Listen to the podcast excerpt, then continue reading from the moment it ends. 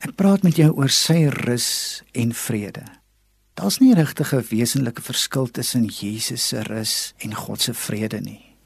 Matteus 11 vers 28 lees ons dat Jesus vir die wat vermoeid en belas is, rus beloof. In Filippense 4 vers 7 lees ons dat Paulus skryf en hy sê die volgende: En die vrede van God wat alle verstand te bowe gaan, sal julle harte en julle sinne bewaar in Christus Jesus. Die lewe word nie net vir sondige mense te veel nie, maar ook vir gelowige mense. Elia self het onder die besembos gaan sit en gewens hy kan sterf. Is dit nie partykeer hoe gelowiges ook soms voel nie? Dit is nie as gevolg van sonde wat 'n mens moeg raak nie. Soms is die pas van die lewe net te veel. Die eise wat die lewe en mense aan ons stel, raak soms net te hoog en uiteindelik word dinge net te veel. Soms bevind gelowiges hulle ook in 'n donker gat van moedeloosheid.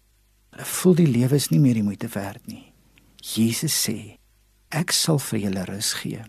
Rus hier is die vrug van 'n kinderlike oorgawe aan hom. Maar rus is nie werklik moontlik sonder vrede nie. Daar is verskillende tipe forme van vrede. Die vrede wat van mense kom en God se vrede. Vrede van mense is nie die hoogste vrede om na te koester nie, want daardie vrede kan misleidend en van korte duur wees. God se vrede sê Paulus gaan alle verstand te bowe en dit bewaar mense se harte in sin in Christus Jesus. Kom ek probeer dit vir jou verduidelik. God se vrede gee jou die wete dat Jesus by jou is. Omdat Jesus by jou is, sal dit keer dat bekommernisse met jou emosies wil weghardloop. God se vrede sal jou help om jou nie van vooraf of op dinge te bekommer nie.